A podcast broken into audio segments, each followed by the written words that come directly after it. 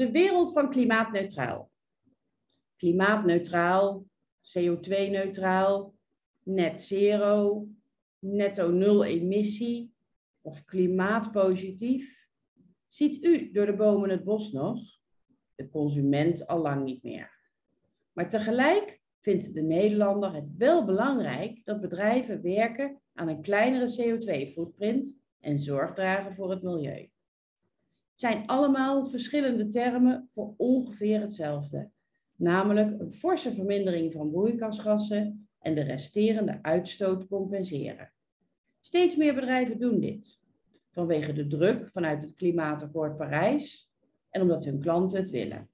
Het aantal logo's, certificaten en claims neemt in rap tempo toe. De definitie mag dan duidelijk zijn. De verschillen tussen al die logo's en hun certificeerders is dat lang niet altijd. Zo zijn de reductie-eisen verschillend per instantie en is het zelfs bij bepaalde instanties mogelijk om een klimaatneutrale certificering te verkrijgen zonder verplicht te werken aan reductie. Alleen compensatie is daar voldoende. Naar mijn mening gaat het echter om die reductie. Dat is het fundament om klimaatneutraal te worden. Alleen door reductie komen we op termijn dichter bij het behalen van de doelstellingen van het Klimaatakkoord van Parijs.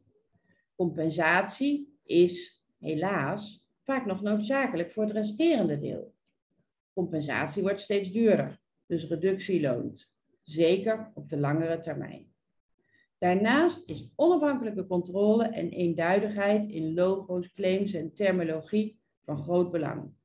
Dat vindt ook de reclamecodecommissie, die al meerdere malen bedrijven op de vingers getikt heeft over misleidende claims in zaken klimaatneutraal. Milieu Centraal heeft onlangs één klimaatkeurmerk als topkeurmerk benoemd.